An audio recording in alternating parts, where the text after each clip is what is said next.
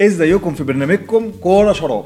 الحلقات دي بقى هتستمر معانا فترة وهنسميها إيه؟ الطريق إلى كأس العالم 2022 كليشيه جدا. منتخب مصر. والسؤال اللي هنجاوب عليه في الحلقة دي هو هنتصرف إزاي يا جدعان من غير محمد صلاح والنني؟ يلا عشان ما تزعلش. هنتصرف إزاي من غير محمد صلاح؟ هنحاول نقرا دماغ كابتن حسام البدري. نحاول نشوف إيه الاوبشنز اللي قدامه. وانتوا تردوا علينا في الكومنتات تقولوا لنا أنتوا شايفين أحسن options إيه أو أنتوا شايفين إيه هنعرض لكم كل حاجة. هنقسم الحلقة دي ثلاث أقسام. الجزء الأول هنتكلم على آه، منتخب مصر ودماغ حسام البدري إزاي بتفكر في الماتش. الجزء الثاني هنتكلم على التصريحات الأخيرة من حسام البدري وبركات اللي كان فيها شوية تناقض. والجزء الثالث هنتكلم أكتر شوية ممكن على أنجولا والجابون الفرقتين اللي هنواجههم والظروف اللي هنلعب فيها. يلا بينا نخش في التفاصيل ولكن قبل ما نخش تعملوا شوش تعملوا لنا؟ like و share like و share و subscribe. إحنا موجودين على يوتيوب. آه، اعملوا like للفيديو لو عجبكم شيروه وسط اصحابكم و subscribe على اليوتيوب وإحنا موجودين على فيسبوك وموجودين على تويتر لو عايزين تناقشونا في أي حاجة وموجودين على قناة البودكاست لو عايزين تسمعونا. يلا نشوف الكابتن حسام البدري.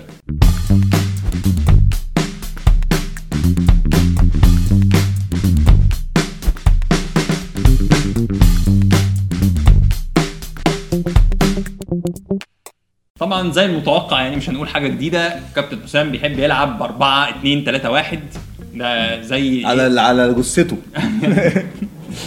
فمين ال... مين طبعا التشكيله بنسبة كبيرة إحنا عارفين التشكيله في خط الظهر شكلها عامل إزاي. آه قدام بقى هو الكلام غالبا اللي هيبقى هنشوف إحنا محتاجين نلعب إزاي قدام منتخب أنجولا الأول في القاهرة وبعد كده نروح نلعب الجابون آه في الجابون. في حراسه المرمى طبعا لا خلاف على محمد الشناوي. الباك اليمين بما إن كابتن حسام مش واخد باكات يمين خالص فهو في الأغلب اكرم توفيق هو اللي هو هيلعب واخد عمر جابر اللي لعب طول ال season مع بيراميدز آه، في مركز رقم 8 واخد باهر محمدي اللي كان ممكن يلعب باك يمين بس كان بيلعب center back واخد أكرم توفيق واضح إن أكرم توفيق هو اللي هيلعب. وعلى الشمال أعتقد ان أنا على الشمال هنجي لها بعدين خليها دي بعدين الباك الشمال هنجي لها بعدين. في نص الملعب إحنا اتفقنا إن غالبا هيبقى السولية وطارق حامد. قدام بقى نخش بقى على الشغل. تمام؟ إحنا دلوقتي كابتن حسام بدري زي ما قال يوسف 4 2 3 1 إحنا عندنا ثلاثة options إحنا محمد صلاح الأول. كنا بنعمل له إيه؟ محمد صلاح ما بيرجعش يدافع يا جماعة. محمد صلاح بيلعب حر قدام ومش عايز تستنزفه انت في إن هو يرجع ويقعد يدافع وبتاع طب كنا بنعمل ده إزاي؟ بنعمل ده إن الناحية ال wing الناحية الثانية اللي هو كان بيبقى تريزيجيه مثلا مع كوبر كان هو اللي بيرجع يدافع وبنرحل طب تشوف النني كان كتير جدا بيقفل الحته اللي ورا صلاح. كمان عبد الله السعيد كان بيبذل مجهود كبير جدا. وعبد الله السعيد آه وعبد الله السعيد كان بيرجع ساعات شوية. وشوية نلعب back right اللي هو كان أحمد فتحي ساعتها ثابت ما بيعملش overlap عشان ندي لصلاح الحرية دي. كلنا بنحاول نلعب مجموعة عشان صلاح ياخد الحرية دي. طيب إحنا دلوقتي ما عندناش محمد صلاح. فال option إيه؟ في option رقم واحد سهل جدا. أنا هدي نفس الأدوار دي لمصطفى فتحي. اشيل محمد صلاح وأحط مصطفى فتحي. واللعيبة كلها بتعمل نفس واجباتها الدفاعية. بالطريقة اللي إحنا متعودين عليها مع سموحه 17 جون وبيلعب حاجة أقرب لل second striker كمان يعني قريب قوي من اللي بيعمله محمد صلاح مع فرق ال quality أكيد ما فيهاش كلام محدش يزعل مننا ال option رقم اتنين إن إحنا كابتن حسام البدري يرجع للأهلي لما كان بيدرب الأهلي كان بيعمل إيه؟ كان بيلاقي أجاييه شمال ومرا ومؤمن ربنا يشفيك يا مؤمن على اليمين بي... الاثنين لازم يهاجموا ولازم يرجعوا يدافعوا ليه؟ لأن ابني حبيبي عبد الله السعيد يلعب هو قدام مع المهاجم اللي كان بيلعب ساعتها وليد أزارو أو فبيدي حرية لعبد الله السعيد. على فكرة آه، موسيماني دلوقتي مع الأهلي بيلعب حاجة شبه كده. هو بيلعب بطار محمد طاهر ناحية الشمال وبيلعب بحسين الشحات. برضه بيفضل حسين الشحات بس لاسباب وقفشة هو اللي بيرجع بي... قفشة هو اللي عنده حرية. فهنعمل كده إزاي؟ يبقى إحنا ندي قفشة حرية يبقى هيلعب قفشة ومصطفى محمد أو محمد شريف. بس أنت محتاج بقى الونجين اللي هم يدوك الدور الدفاعي ده. فلازم تلعب في رأينا طبعا بزيزو ورمضان. زيزو ورمضان وتدي حرية لقفشة مع مصطفى محمد أو قفشة مع محمد شريف. ال option الثالث وده اللي أنا بميل له بصراحة إن إحنا نميل الملعب الناحية الثانية يعني إيه نميل الملعب الناحية الثانية يعني نلاعب زيزو يمين يعمل الدور اللي كان بيعمله تريزيجيه على الشمال إن هو يرجع في ال work rate ويدافع وكده ونلعب محمد شريف شمال. محمد شريف شمال ومصطفى محمد قدام. محمد شريف هو اللي يبقى عنده الحرية يخش على second فكرة striker لعبها مع الأهلي قبل كده في بداياته قبل ما يبقى هو المهاجم الأساسي للأهلي كان كان بيلعب ك wing. وخليني أقول لك حاجة وهو جاي من وادي دجلة على فكرة ما- بقى ك wing. ماتش كينيا كينيا وجزر القمر لعب محمد شريف شمال ومصطفى محمد وكان بيخش مع مصطفى محمد بالسرعة من ورا. ممكن ي... كان بيعملها بال... بال... بالطريقة دي. فأنا شايف إن ده كويس ليه؟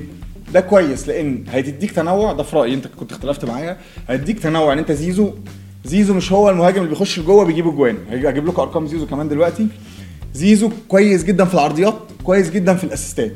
فده كويس جدا عندك واحد بيرفع وعندك مصطفى محمد هيدر على الناحية الثانية قفشة محمد شريف وال link اللي ما بينهم البينيات والجري في ظهر المدافعين. فأنت عندك اثنين options مختلفين. لو فريق أنجولا متكتل تلعب عرضيات لو فريق أنجولا فاتح ويلعب كرة على الأرض ها تقدر تلعب throughهات وزيزو هو اللي يرجع ويتم الترحيل وقفل المنطقة دي. ومحمد شريف يخش second striker مع مصطفى محمد. دول ثلاثة options متهيألي ما فيش غيرهم. يعني أنا في رأيي ممكن برضو سيناريو تاني أنت هتلاعب أضعف منتخب على فكرة في المجموعة بالتصنيف وبالغيابات اللي عنده منتخب أنجولا. آه يعني طبعا فاكرين أنجولا اللي وصلت سنة 2006 لكأس العالم وبعد كده استضافوا كأس الأمم بتاع منتخب أنجولا ما جاش من ساعتها. آه حتى في تصفيات كأس الأمم طلع أخير مجموعته كان معاه جامبيا والجابون اللي معانا في المجموعة برضو. آه وكونغو الديمقراطيه و- وما كسبش غير مباراة واحدة قدام الجابون.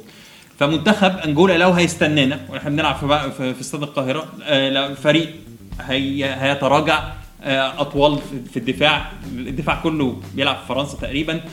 هيبقى مصطفى محمد هيواجه مشكلة في أهم مميزاته إن هو يلعب الرأسية. لو أنت هتلعب على رأس مصطفى محمد اللي هو حاجة مميز جدا فيها هتلاقي منتخب بنيته وطوله صعب جدا اختراقه.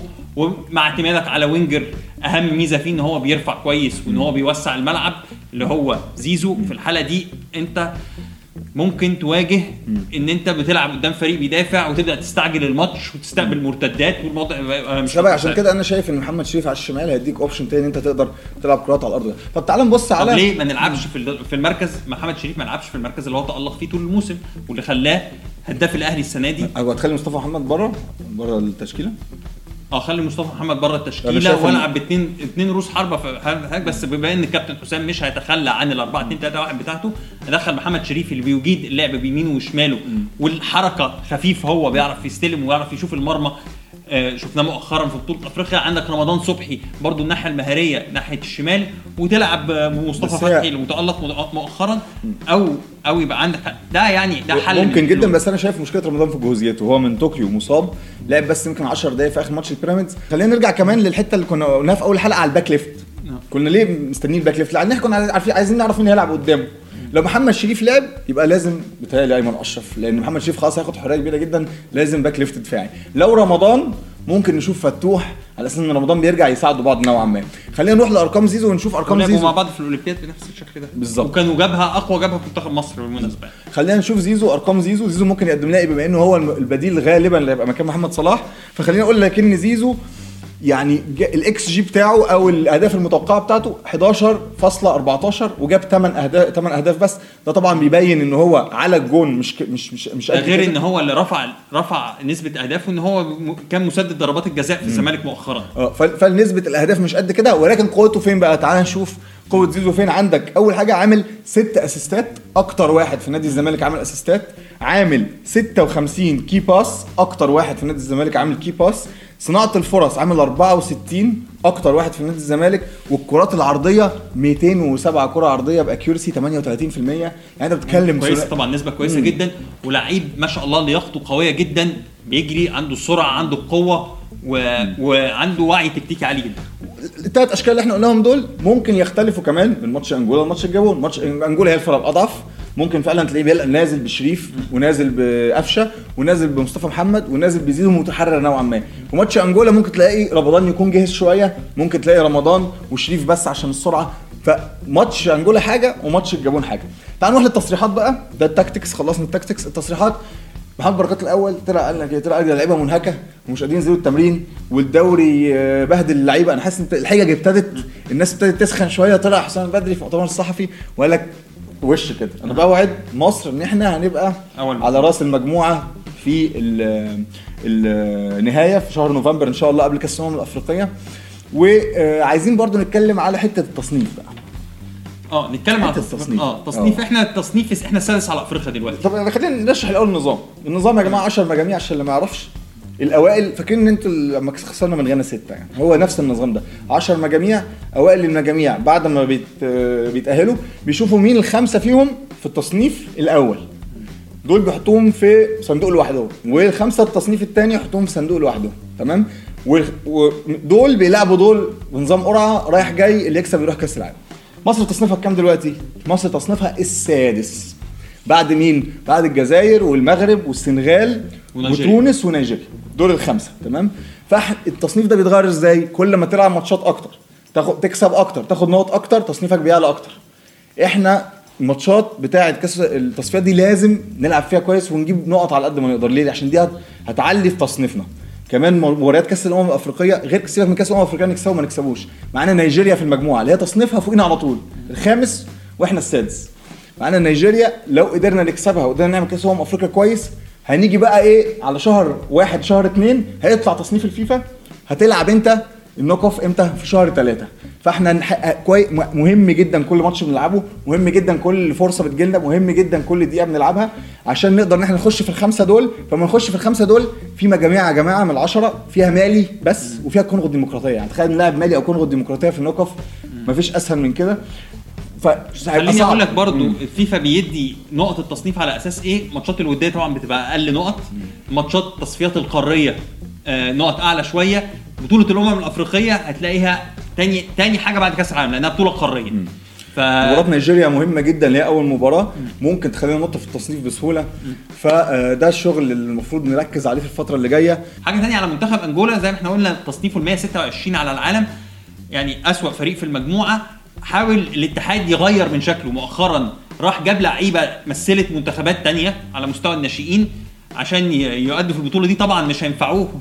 زي ما صلاح مش نافعنا في في الماتش الجاي ده مش هينفعوه لأنهم آه، بيلعبوا معظمهم في إنجلترا. عندك ثلاث لعيبة واحد بيلعب في بيرمنجهام عندك إيفان كافايرو بيلعب في فولم آه، وعندك آه، هيلدر كوستا بيلعب في ليدز يونايتد قبلها كان في ولفرهامبتون دول الاثنين دول مثلوا البرتغال على مستوى الناشئين وعلى مستوى المنتخب الأول بس في مباريات ودية. آه، كمان المدرب طلع مع ميدو امبارح مدرب انجولا وقال إن إحنا عندنا 12 غياب بسبب الكورونا خمسة مخالطين واللعيبة بتلعب في أوروبا مش هتيجي وكمان اللعيبة عندهم مشاكل في الإجراءات. فالحال من بعضه. الناحية الثانية الجابون أوباميانج برضو غالبا وضعه مش مش مش ولكن- هو أصلا فورمته يعني أوباميانج يعني. لا أوباميانج لعيب بيتميز بالسرعة وده ممكن يبقى مزعج جدا. كمان خد بالك ده الماتش اللي إحنا نلعبه بره أرضنا. منتخب آه، الجابون يعتبر تاني تصنيف ليه في في الحاجة و80 أعتقد إحنا إحنا ال 42 فهو معتبر تاني تصنيف في في في المجموعة دي. هيبقى ماتش أصعب أو يمكن ده أصعب ماتش إحنا ممكن نقابله في المجموعة أنا شايف في في- المحصلة يعني إحنا لو رجعنا بست نقط طبعا ممتاز. لكن أنا شايف إن إحنا رجعنا بأربع نقط من الماتشين إحنا هنبقى قريبين جدا من إن إحنا إن شاء الله نتأهل. فقولوا لنا أنتوا إيه رأيكم؟ في ماتش انجولا وفي ماتش الجابون. هنبقى معاكم بقى بعد الماتشين نشوف بقى الكابتن حسين بدا يطبق أنهي فكرة منهم ولا عمل فكرة رابعة. أنتوا قولوا لنا شايفين مين؟ بديل محمد صلاح شايفين مين؟ بديل تريزيجيه على الناحية الشمال شايفين مين يلعب مهاجم شريف ولا مصطفى محمد ولا زي ما أنا شايف مصطفى محمد وشريف wing ولا زي ما يوسف شايف يا زملكاوية إن مصطفى محمد يقعد على الدكة. فما تنسوش إحنا على ال- اليوتيوب اعملوا subscribe و like للحلقة لو عجبتكم. إحنا موجودين على فيسبوك وتويتر لو عايزين تناقشونا في أي حاجة ممكن تناقشونا هتلاقوا ال domains بتاعتنا تحت. ونشوفكم في حلقة جاية. وبرنامجكم كورة. شراب. روعة روعة يا كابتن.